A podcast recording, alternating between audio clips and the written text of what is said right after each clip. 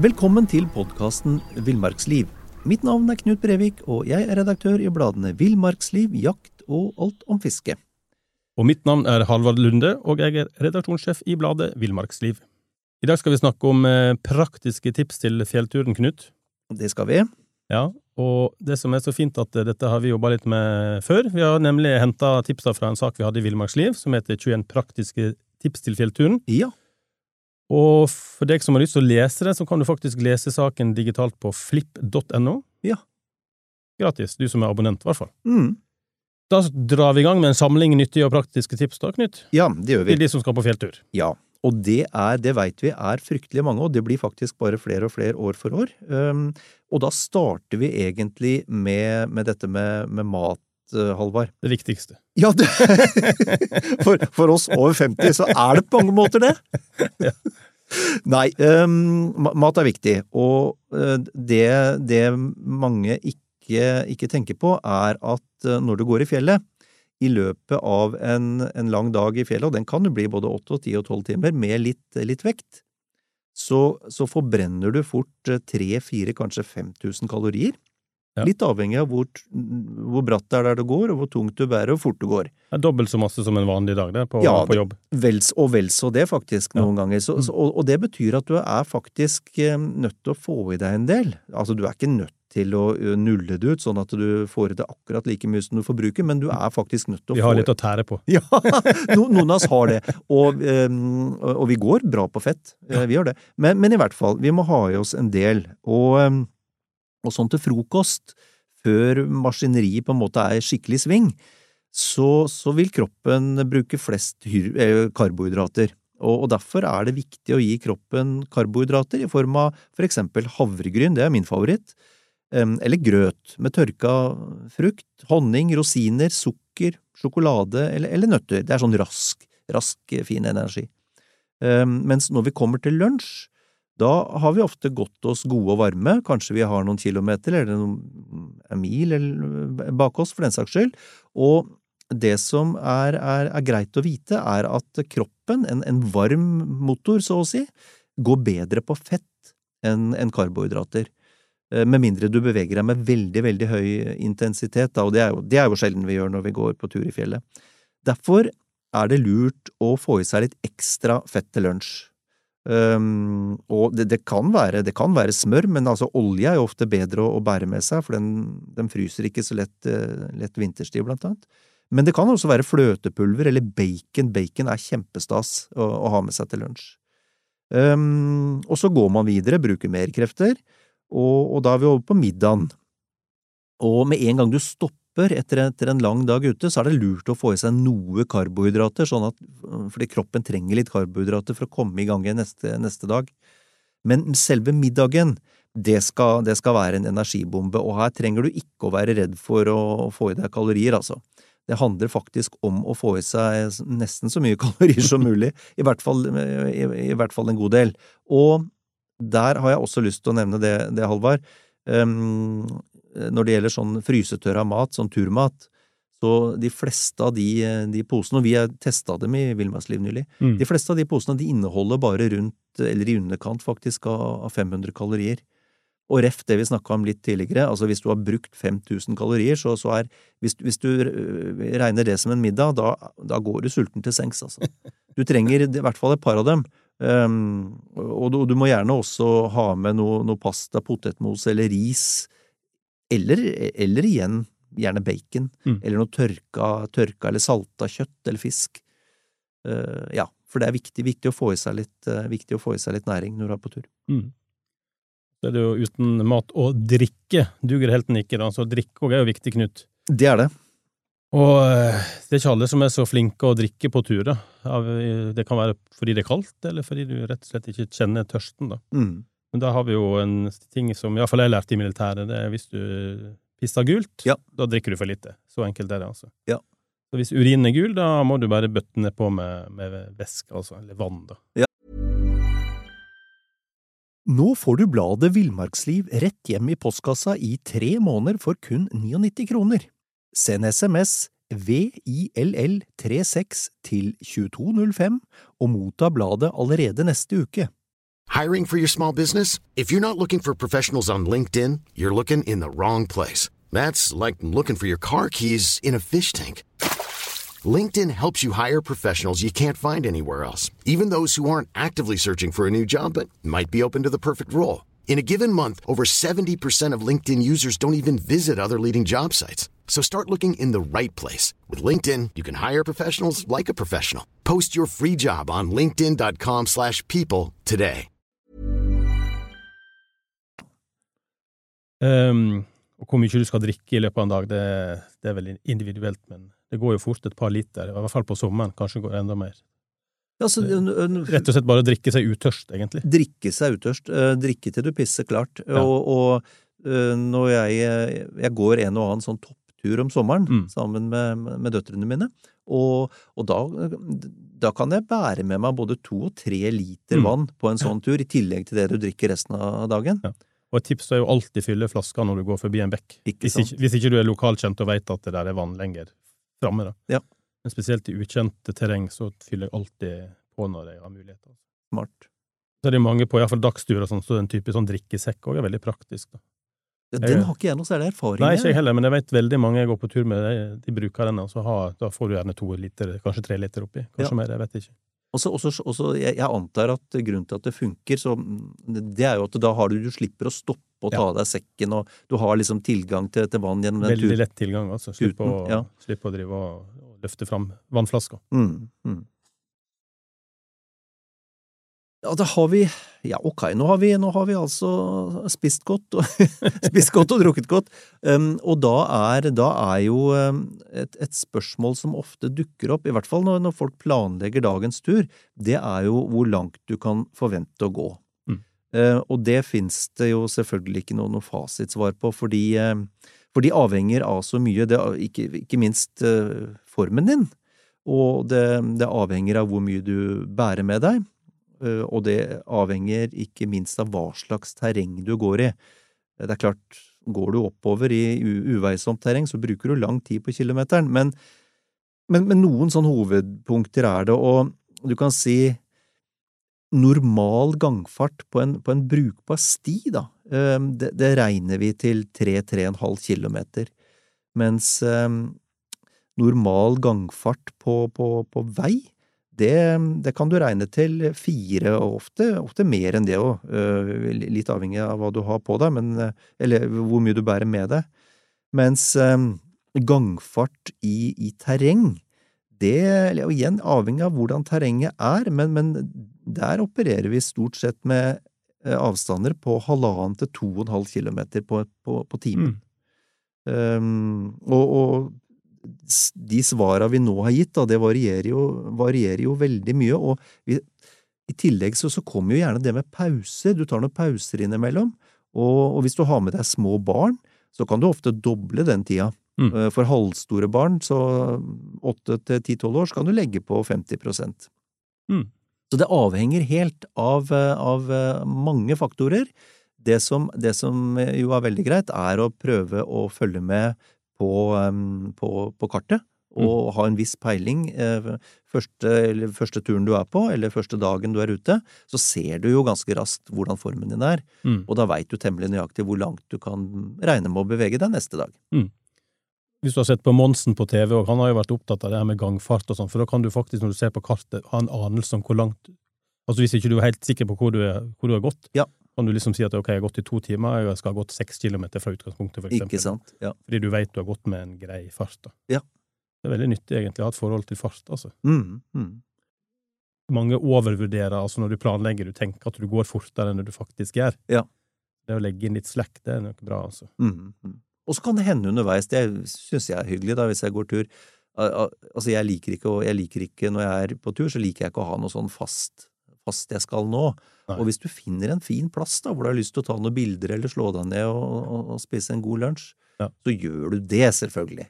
Og da tar det litt lengre tid, per- da beveger du deg litt kortere per kilometer. Gikk en tur der vi skulle nå en båt, det ble litt stress, vet du, for vi, vi kom litt seint i gang. Oh, ja! Og da er egentlig det ødela litt av gleden med turen, for at vi, vi visste at vi måtte nå den båten, eller så måtte, var det 1000 kroner i taxi eller et eller annet. ja da er du på klokka med en gang. Ja, ikke sant, og da blir det, det ødelegger litt av kosen, altså. Ja, helt enig. Men eh, du snakket om sekk, eh, Knut. Ja. Og det er jo et sånt spørsmål som kommer opp, hvor stor sekk skal du ha? Ja. Og det tror jeg òg er litt sånn personlig, for jeg liker jo alltid å ha mye større sekk enn jeg har behov for. Ja. Og spesielt når du har eh, mindre barn og små barn som ikke har egen sekk, Ja. så blir sekken til far full.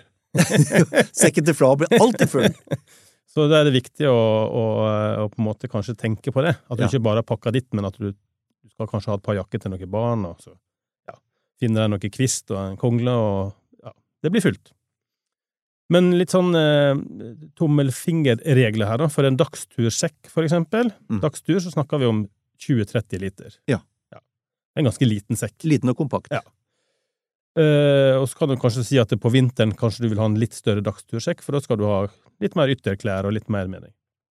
Helgetur, da snakker han kanskje 40-55 liter. Mm. Jeg vil kanskje si nærmere altså at, at den går mot den store delen av det, 50 pluss liter. Ja. Ukestur, da må du opp i størrelse. Eh, det finnes jo sekker som tar 110 liter. Ja. Det er veldig stort. Eh, jeg har en sekk på jeg tror den er 85 liter. Den, den holder til ei uke, altså. Da, det, da henger ting utapå. Ja. Fordelen med 110 liter er at du sannsynligvis, sannsynligvis kan pakke alt inni sekken, og det har jo en fordel. Spesielt hvis det er vått, at du får på et regntrekk og litt sånne ting. Altså, jeg har en um, Jeg har eh, brukt i mange år sånn 110 liters sekker. Mm. Og um, det fine med dem er jo at, og det har jeg praktisert ved et par anledninger, at hvis det er, er kaldt, så kan du, om ikke krabbe inn i dem, så får, du kan stikke beina ned i dem. Mm. Så du får et ekstra beskyttende lag Ja. Ja. under overnatting. Så um, kanskje tipset heller gå opp enn ned i volum, hvis du er usikker. Så holder det gjerne ikke bare med én sekk, du må ha to eller tre, syns jeg, da. Til, et aktivt friluftsliv Ja, så må du ja, det, helt ja. enig. Men, Men- men den, det, å ha en, eh, hvis du er på litt lengre turer, eh, så, så er det ikke noe dårlig investering å ha en sånn 100-110 liters sekk, altså. Enten den nå er anatomisk eller Ja, de fleste velger anatomisk. Jeg, jeg bruker pakkramme, men det er fordi jeg er en gammeldags fyr. Så handler det litt om vekt, da. En stor sekk er jo, veier jo mer. Ja. Så det er en sånn av, avveining her, da. Ålreit. Um, da er vi vel over på, på litt gass, tenker jeg. Og det, det som øh, vi alle veit, er jo at, at gass det fungerer helt glimrende når det er, når det er øh, varmt. Altså på vår, sommer og høst fungerer gass helt supert. Når det blir kaldt, så, så er ikke gass noe å satse på. Men, eh, men dette her er jo Nå snakker vi jo primært om litt sånn barmarksturer, og, og da kan vi jo si at øh, en enkel tommelfingerregel da, på, på bruken av gass er ca. 50 gram gass per person per døgn. Altså sannsynligvis så klarer vi oss med noe mindre hvis vi er et par eller tre eller fire som deler på matlaginga, men, men som en hovedregel så kan du regne 50 gram gass per person per døgn. Og en familie på fire vil da klare seg to til tre dager med en gassboks på 450 gram. Og en person eh, vil normalt ha nok gass for en tur på fem til sju dager med en 450 grams boks. Et, et tips, det er jo å veie gassboksen, koke opp væske som tilsvarer det du trenger til mat og drikke for et døgn, og så veie gassboksen igjen, for da får du et temmelig bra estimat for forbruket ditt. Og, og det, det her er noe du kan gjøre i bakhagen før du Mm. drar på tur. Det er jo veldig mye du i det store og det hele bør teste i bakhagen før du drar på tur. Absolutt. Eh, og, og, og det, akkurat hva, hvor mye du bruker av gass, er en sånn ting. Og så skal du ha i mente at eh, hvis det er lave temperaturer, da, og det kan det jo godt bli i fjellet, for eksempel, selv i juni og, juni og juli, og, og sterk vind, det øker gassforbruket. Mm. Og så, ja, og så er det også noen sånne tips, da, i forhold til, til gassbruken. Og, og da er vi inne på fysikk, som jeg aldri var. Jeg var aldri fremragende i fysikk på skolen, det må jeg si, Halvard. Jeg tror du var bedre enn meg. Ja vel, vel.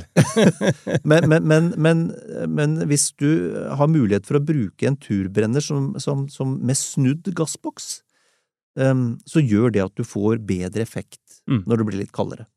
Og det her handler om fysikk, som sagt, væske og gass.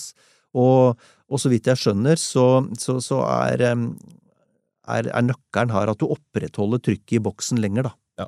Uh, ja, en siste ting vi kan nevne, det er også, også det her med forvarming. Altså, enkelte brennere de har en, de har en sånn sløyfe på, på gasstilførselen. Og, og det det fører til, er jo at gassen varmes opp noe før den brennes, og det, det gir bedre effekt Mm. når, når temperaturen er lav. Da.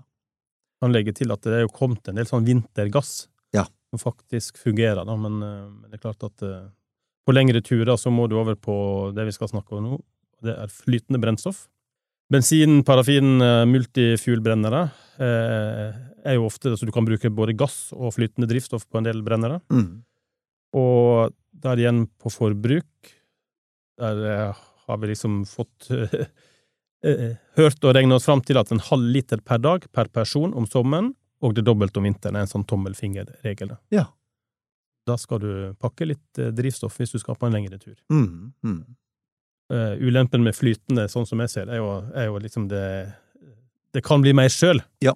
Vær forsiktig med må holde, holde alt av flytende drivstoff unna mat og klær, og pakke det godt ned og skru godt igjen korken. Altså. Ja, ja, for hav havregryn som er utsatt for drivstoff, det er ikke noe hyggelig. Så, og igjen så vil jo temperatur og vind og alt det der påvirker forbruket. Mm. Mm. Og igjen, test, test hjemme i bakhagen før du, før du er på tur. Ja, vet du hva, det, det er et sånt det, det, det kunne vi egentlig lagd en egen sak om, eller en podkast om, eh, Halvard. Det med å ta, enten det er bakhagen din eller en park i nærheten, eller Men, men altså, det Mm. å teste utstyret, sjekke det før du drar ut. Ja.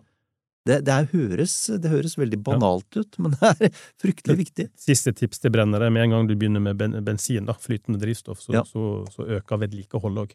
Nettopp. Så det å lære seg servicen på, på brenneren er viktig, altså. Ja. Man faktisk reparere den, eller gjøre den rein ute i felt og sånt, han brenner godt.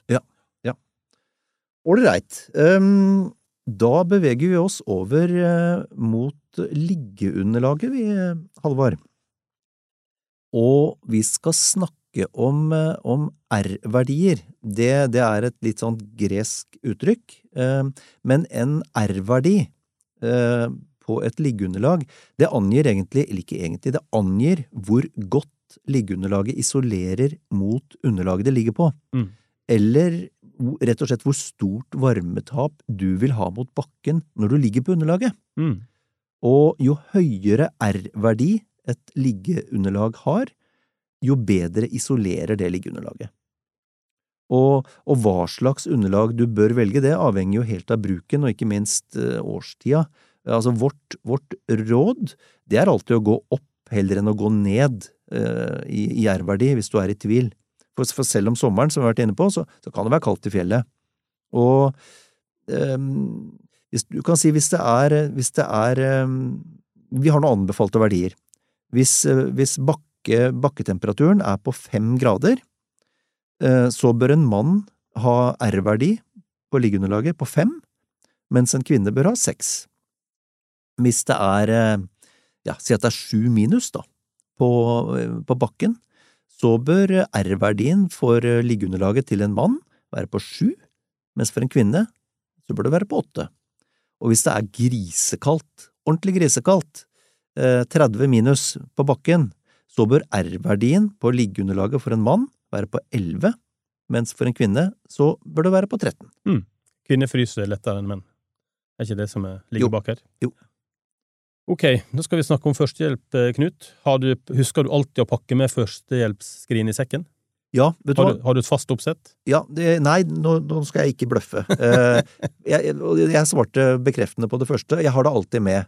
Men, men jeg, har, eh, jeg har flere sekker, eh, og jeg er en rotekopp, så jeg har, jeg har rigga meg til med tre forskjellige førstehjelpspakker. Ja. Så, så, og, og de inneholder ikke akkurat det samme, men de inn, jeg tror de inneholder det Nei. viktigste.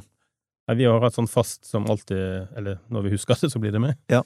Ulempen er at det, det er ikke alltid vi sjekker innholdet. Nei. Nei. Så av og til, da, så når du trenger Compeden, så har det vært folk på besøk og tatt de. Ikke sant? Veldig upraktisk. Så det er liksom første tips når du har laga deg førstehjelpsskrin, det er å sjekke innholdet før du drar på tur. Ja, For det er aldri du som har tatt det, Nei, aldri. Skjer aldri. det har jeg så fall glemt. Alltid kona eller barna. Ja. Men det som bør, bør være oppi, er jo type sånn ja, plaster, gnagsårplaster, enkeltmannspakke eller type kompress hvis en får en blødning. Mm. Eh, kanskje et fatle, steril bandasje, litt idrettsteip. Um, Paracet, altså hodepinetab smertestillende tabletter da, det du har behov for, og, og gjerne en, eh, litt allergitabletter. Ja. Det kan jo være at folk får en allergisk reaksjon. Ja. Eh, og, og steril sånn kompress til eventuelt brannskade, og så selvfølgelig sårrens, da. Ja. Det er veldig fint da, med litt pyrisept eller klorheksidin. Kanskje salve, for eksempel. da. Mm. Fint å mm. smøre på, for det sitter litt den, den andre flyten. Eller begge deler. Eh, og så en siste ting jeg kan ta med òg, er jo Vi er jo begynt å bli voksne menn, eh, Knut. I vår beste alder. I vår beste alder, men, eh, men i gamle dager, vet du, det var ikke jo sånn tips fra legene at du skulle Hvis du fikk smerte i brystet, da, Ja. var det globoid. Den Ja. fins vel ikke lenger, da. Men uansett, det er jo denne acetylsalisyra, heter det vel, Ja. som, som, eh, som er virkningsstoffet her, da. Mm. Eh, Så det finnes et, vi, vi trenger ikke å nevne navn på, på produkt, men snakk med legen din hvis du er i, på en måte i 50 pluss. Ja. Spør hva du skal ta med på tur. Mm. Og det finnes medisin som er reseptfri, og, men som da skal kun bli brukt etter at du har snakka med, med lege eller 113. Ja, ja. For det er faktisk eh, Folk får hjerteinfarkt på fjellet, så det kan være litt tid før helikopteret går eller du får hjelp, og da kan en sånn type ting være til hjelp, altså. Ja. Men snakk med legen først. Ja. Og så, så er det én ting til som er veldig fint med å ha førstehjelpsskrin eller førstehjelpspakke, og gå gjennom det fra tid til annen. Og det er, eh, og det, er det at når du går gjennom eh, et førstehjelpsskrin og ser på de forskjellige delene du skal ha, så um, preparerer du deg egentlig sjøl litt sånn mentalt for at noe kan skje. Mm. Ikke sant? Mm. Du, du er i en sånn uh, mental modus hvor, Mm. du, hvor, du, hvor du lever deg inn i at ting kan skje. Og da viser all mulig forskning at da vil du være bedre rusta til å Mm. takle den situasjonen hvis den skulle dukke opp. Mm. For du har faktisk vært gjennom det i hodet allerede. Et tips der er jo å ta en sånn enkeltmannspakke eller kompress, og så faktisk teste det. Ja. Hvordan ser det ut? Altså at du faktisk har prøvd det. Ja. Står ikke du der på fjellet og har dårlig tid og er nervøs, du veit faktisk hvordan du skal gripe det an. Ja. Og så en siste ting som før, før vi slipper det med førstehjelp og, og, og sånne ting, det er eh, noe som eh, han eh, godeste sjef, tidligere sjefen for Forsvarets vinterskole sa da han var i podkasten vår for et par år siden. Og det var et bra råd, og som en hovedregel, sa han, så er det, det, beste alltid å gjøre noe. Altså Mm. ikke være passiv, Ja. men, men, men gjøre et eller annet. Hvis ting er i ferd med å, å skjære Nå får du bladet Villmarksliv rett hjem i postkassa i tre måneder for kun 99 kroner. Send SMS VILL36 til 2205 og motta bladet allerede neste uke. I'm Sandra, and I'm just the professional your small business was looking for. But you didn't hire me because you didn't use LinkedIn jobs. LinkedIn has professionals you can't find anywhere else, including those who aren't actively looking for a new job but might be open to the perfect role, like me. In a given month, over 70% of LinkedIn users don't visit other leading job sites. So if you're not looking on LinkedIn, you'll miss out on great candidates like Sandra. Start hiring professionals like a professional. Post your free job on linkedin.com/people slash people today. seg, så er alltid bedre å gjøre noe enn å ikke gjøre noe. Bra tips. Ja, da ehm, Da er vi over på kart. Og det har vi jo naturligvis med oss alle sammen, enten det er fysisk kart eller på, på, på GPS-en. Og da må vi si klass, da, vi, den, den klassiske advarselen i forhold til GPS, da, det, det er jo at uh, de spiser batterier veldig fort. Sørg for å ha med deg reservebatterier. Um, jeg gått, går mye med GPS om høsten når vi jakter, jakter elg, hvor jeg ser, ser uh, bikkja. Mm. Og, og litt avhengig av bruken, det er stort sett til bruk hele dagen, ikke sant, og da spiser den ett til to sett med batterier, igjen litt avhengig av hvor kaldt det er. Er det, er det veldig kaldt, så kan den spise to sett med batterier på en dag. Mm. Så sørg for å ha øh, batterier til GPS-en. Um, og så er det også greit et tips å vite at du kan skrive ut turkart da, øh, gratis fra, fra kartverket.no. Her kan du velge område og flere andre variable. Kartene de, de kommer ut med sider i logisk rekkefølge og nummerering. Og, og der er det lurt da å, å gjerne bruke et papir som tåler litt grann fukt. Eh, eller du kan laminere det, det er jo det aller Mm. beste. Men i hvert fall, det er ingen unnskyldning for ikke å ha med seg kart, fordi ja, det, det skal vi ha når vi er ute. Jeg pleier av og til, i hvert fall hvis jeg skal på litt lengre turer, å skrive ut et, eh, et, en kopi som jeg har i sekken. Ikke sant? Hvis det blir vått eller det flyr av gårde, så har jeg kart. Altså. Ja. Det veier jo ingenting. Det er noen gram, men det, Ja. det er en sikkerhet, altså. Det tåler vi. ja. ja, vi var innom liggeunderlag, eh, Knut. Og for å ligge oppå det, så er det jo greit med en sovepose òg. Ja. Da er vi jo veldig forskjellige som, eh, som personer. Vi, noen, noen er varme om natta, noen er kalde om natta. Ja. Så det må en jo kjenne seg sjøl litt, da. Ehm, og så er det jo bruken. Altså Hvis du kun sover inne i hytte, type sånn DNT-hytte eller KI eller andre ting, da er det jo mindre krav til soveposen Ja. enn hvis du sover ute under åpen himmel. Mm. Og så er det jo forskjell på vinter og sommer og vår og sånt. Men eh, det gjelder jo litt her som, eh, som andre ting, og altså både liggeunderlaget går heller litt opp, hvis du er i tvil. Mm. Uh, og så er det jo tips som han, han Bengt Are Barstad gjentar ofte, at du kan ha to soveposer. Ja. sant? At du har én tynn lett, og så kan du dra utapå Eller du har én ordentlig sovepose, og så har du en til du kan dra utapå, så du kan veksle og bruke, da. Ja. Litt forskjellig bruk, da. Det er egentlig akkurat det samme prinsippet vi kler oss etter, ikke Ja, sant? faktisk. Og så og så tilbake til liggeunderlag. Da, så hvis du går opp på liggeunderlag, så du har et godt og varmt liggeunderlag, så kan du faktisk spare litt på soveposen, for du, du blir ikke så kald. Nettopp. Eh, For om natta, så når du ligger, i hvert fall ligger rett på bakken, så er det jo, det er jo bakken som kjøler ned, Ja. ikke lufta nødvendigvis. Men eh, for valg av sovepose så må man liksom ta tenke om en skal ha en so ren sommersovepose, tresesong eller en vintersovepose. Ja. Eller kombinasjon. Ja. Det blir jo, snakk om vekt her òg, selvfølgelig. Ja. Jo varmere pose, jo større og tyngre er den. Men det er jo, når du står i butikken og skal handle, så er det jo noen sånne, eh, sånne begrep som kom opp, og det er gjerne T-komfort. Og det betyr at det er faktisk den nedre temperaturen eh, der en kvinne vil sove komfortabelt. Så hvis det, står minus ti, Ja. T-komfort minus ti, så er det greit for en dame. Så altså T-komfort, Ja. det, det er temperatur som gjelder eh, når en kvinne vil sove komfortabelt? Ja. Og så er det en begrep som heter T-limit, og det er den samme for menn, altså den nedre temperaturen der en mann vil eh, sove komfortabelt. Ok. Så hvis det står T-limit eh, minus 10, Ja. så er den på en måte for, for, for kald for en kvinne, da, og Nettopp. Ok. Og så har du den som heter T-ekstrem. Det tror jeg er en sånn at ja, ok, du overlever, men du kommer til å fryse, så du har katenner tenner hele natta. Ja, ja. Det er bare i ekstrem eh, forhold. Og hvis du har hatt noen soveposer opp gjennom livet, så har du kanskje fått en viss eh, erfaring hva, hva du har behov for sjøl, da. Mm, mm. Eh, og så er jo selvfølgelig tipset å går an å kle på seg en ullpysjamas, skulle jeg si. Ja. Hvis det er kaldt. Selvfølgelig. Ja. selvfølgelig. Og, og det, det der har jo vært en sånn evig, evig diskusjon. Eh, noen, noen hevder jo at nei, men man får maks effekt ut av soveposen hvis du sover naken, nærmest. Jeg har aldri skjønt det. For jeg har jo, jeg har jo fryst i noen netter, altså. Ja, ja. og er jeg jo- slutter å fryse hvis jeg kler på meg i soveposen. Ja.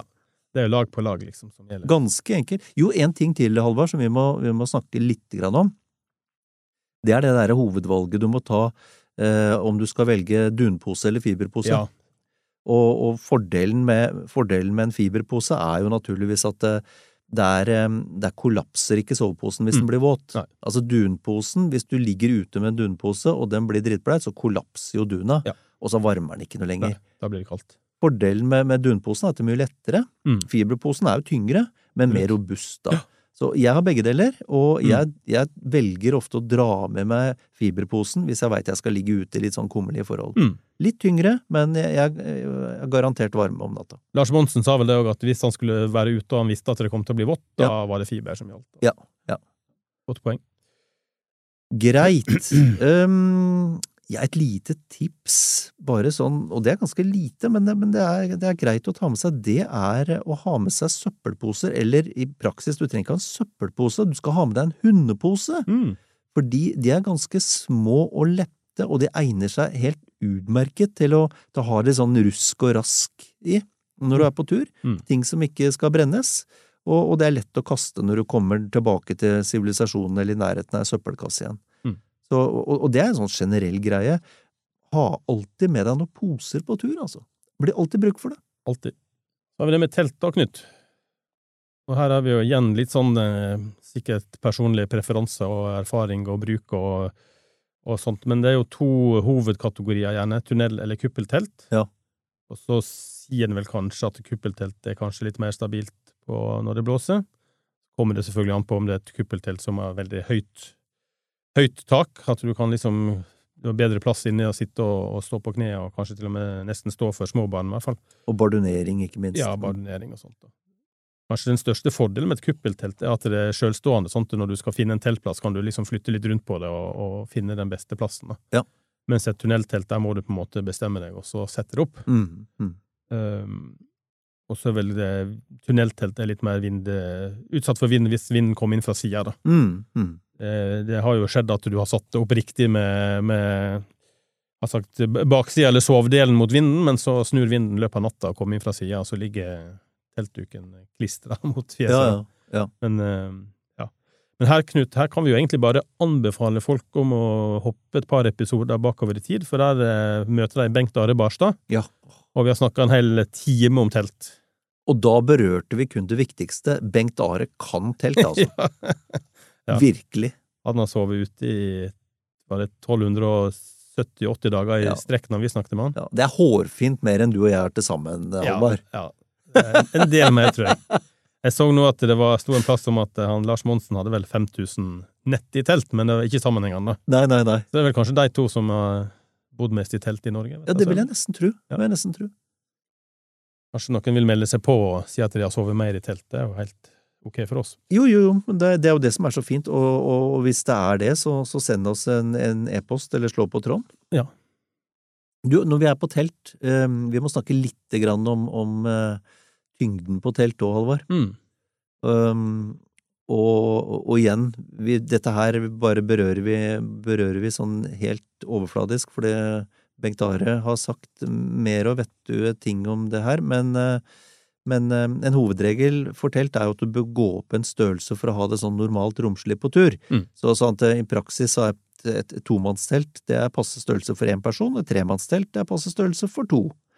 Um, og så kan vi si at um, altså et enmannstelt er jo praksis uh, så er jo det et praksis et telt som ikke gir deg noe som helst plass utover akkurat Altså det er, det, det er som et stort eh, det er som et stort soveposetrekk, egentlig, Ja. med en liten kuppel og våde.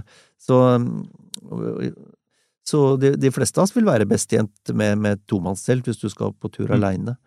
altså prisen, den, den er som regel omvendt proporsjonal med vekta. Um, og, og de ultralette telta, det er, det er de dyreste. Du betaler for lette produkter. Sånn er det med Mm. veldig, veldig mange eh, produktkategorier innen friluftsliv. Jo lettere det er, desto mer betaler du. Um, men i, i hvert fall, for et tomannstelt så kan du regne med rundt to kilo, og for et tremannstelt så, så vil det normalt veie fra to og en halv kilo oppover til tre, Mm.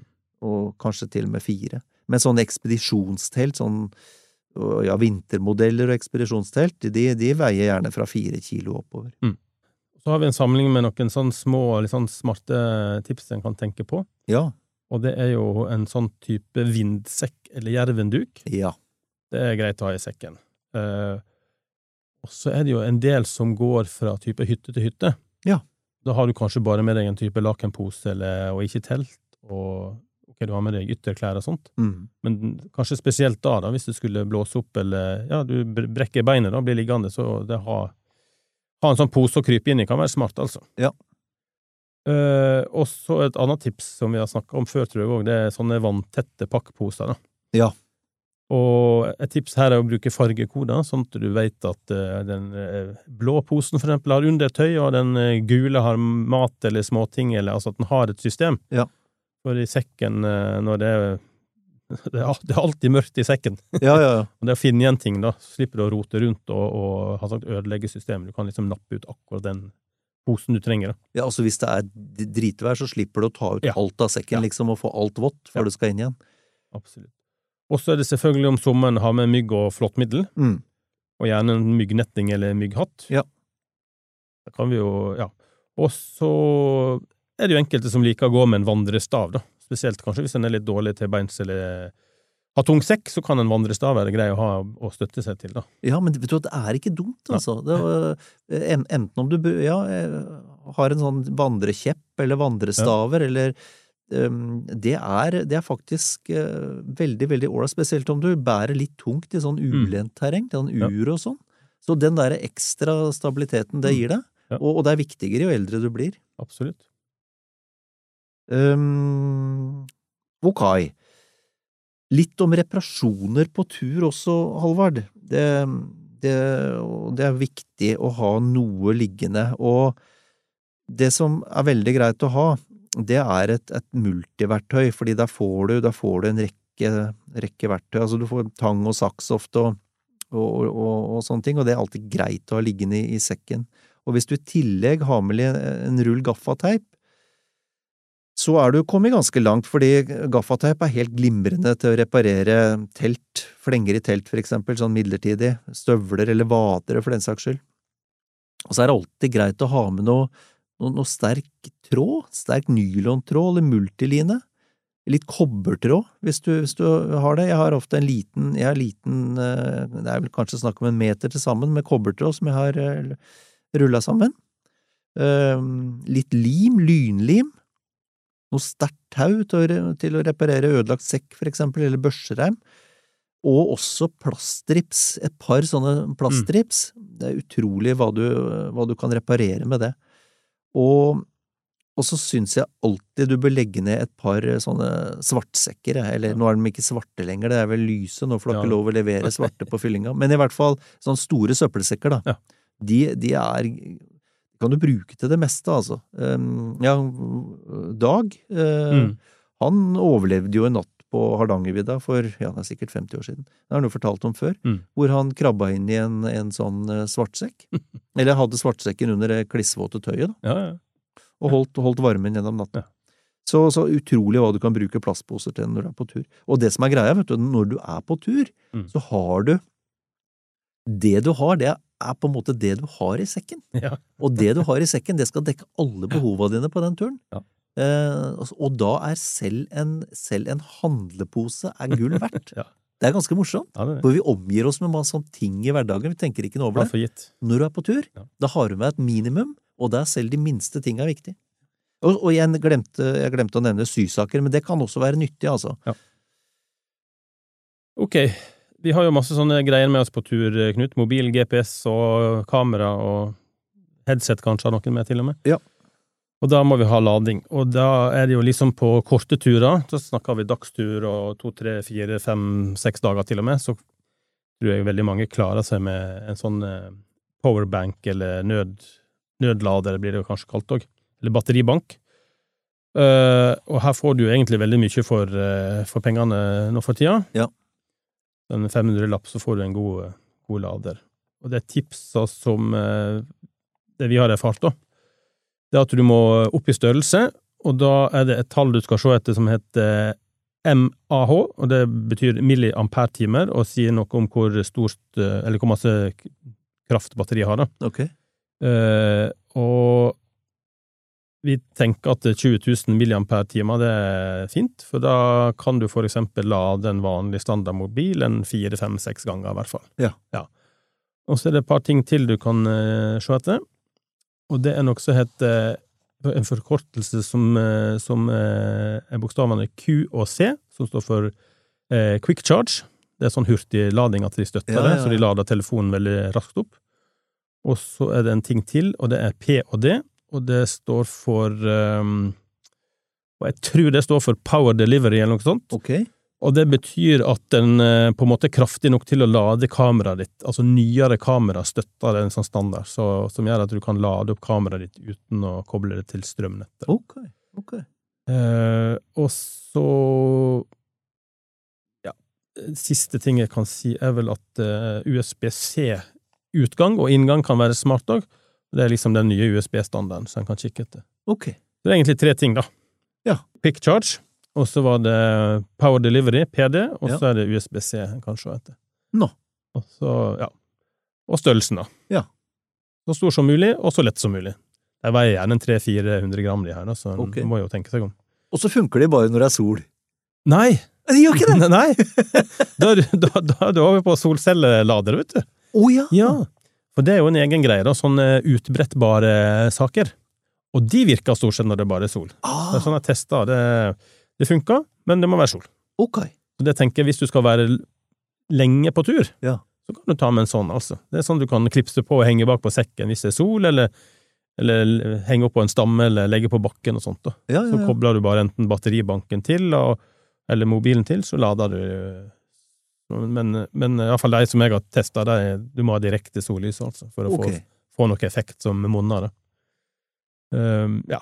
Så finnes det jo det finnes jo noe greier med sveiv og sånt, men det, det Så det har ikke du lyst til å sitte med. Nei, nei, nei. Jeg tror det tar for lang tid, altså.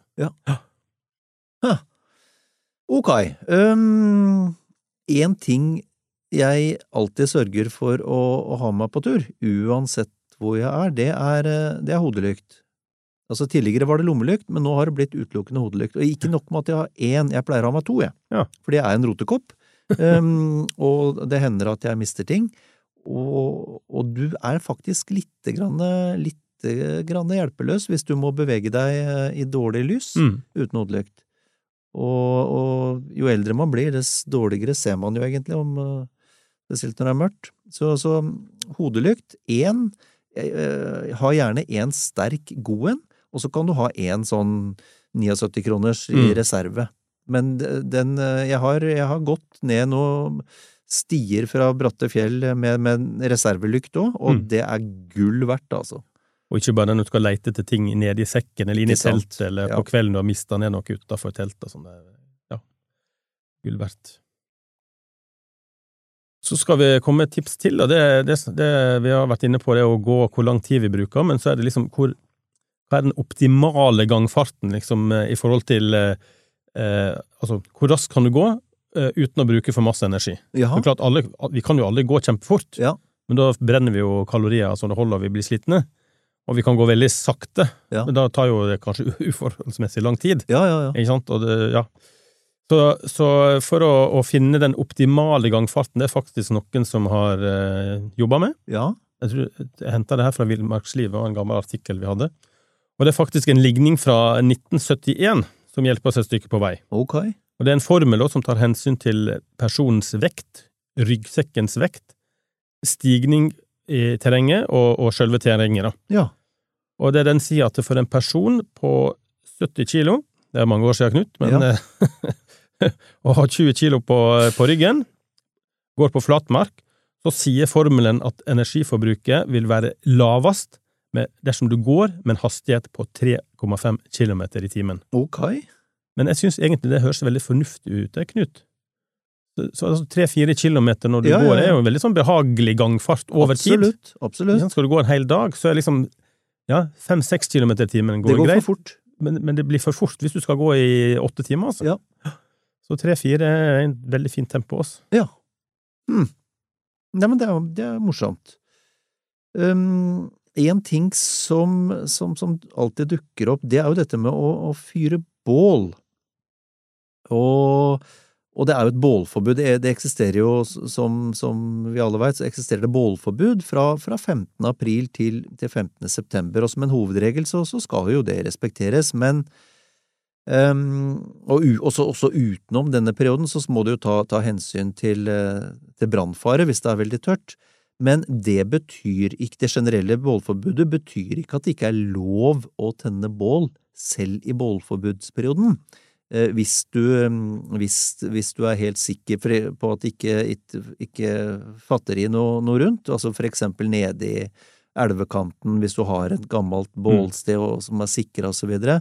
Og det er det som Jeg ikke, kan ikke noe juss, men det er det juristene kaller for tålt friluftsliv. Altså, det, det, er, eh, det er uttrykkelig sagt at det er et bålforbud, men, men hvis du er helt sikker på at, eh, på at det går greit, så, så har du anledning også til å fyre bål i bålforbudsperioden. Ja, og på fjellet kan du ha snøflekker etter at bålforbudet er innført, da. Ja, det er jo ja. relativt trygt. Så, så det er litt med å bruke sunn fornuft her. Ja. Uh, ja. Og du, du kan, er du i en nødsituasjon, så kan du selvfølgelig også fyre bål. Og så er det godt, uansett eh, når på året det er, da, så er det jo, eh, er det, jo eh, det er dumt å, å fyre bål direkte på fjell eller andre steder der du setter merker, eller, eller berget sprekker opp, og så videre. Og, og, og det er litt sånn, sånn i forlengelsen av dette med sporløs ferdsel, da. Det er lurt å det er lurt å bruke bålplasser som er, allerede er etablert, da. Mm. For det er klart, sånn i, i bynære områder, hvis, hvis alle skal fyre seg et nytt bål hver eneste dag, så blir det mye mørke flekker. Ja, det blir det.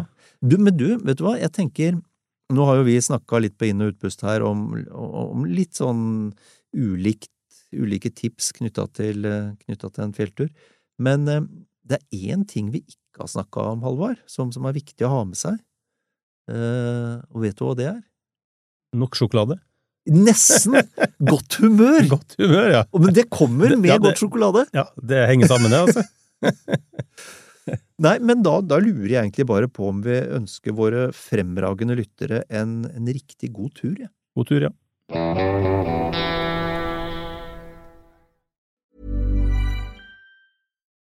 Nå får du bladet Villmarksliv rett hjem i postkassa i tre måneder for kun 99 kroner. I Villmarksliv kan du lese om norsk natur, ærlige tester av klær og utstyr, og mange gode turtips skrevet av erfarne friluftsfolk, fiskere og jegere. Send SMS VILL36 til 2205 og motta bladet allerede neste uke. Lev livet villere med bladet Villmarksliv. Mom deserves the best, and there's no better place to shop for Mother's Day than Whole Foods Market. They're your destination for unbeatable savings, from premium gifts to show-stopping flowers and irresistible desserts. Start by saving 33% with Prime on all body care and candles. Then get a 15-stem bunch of tulips for just $9.99 each with Prime. Round out Mom's menu with festive rosé, irresistible berry chantilly cake, and more special treats. Come celebrate Mother's Day at Whole Foods Market.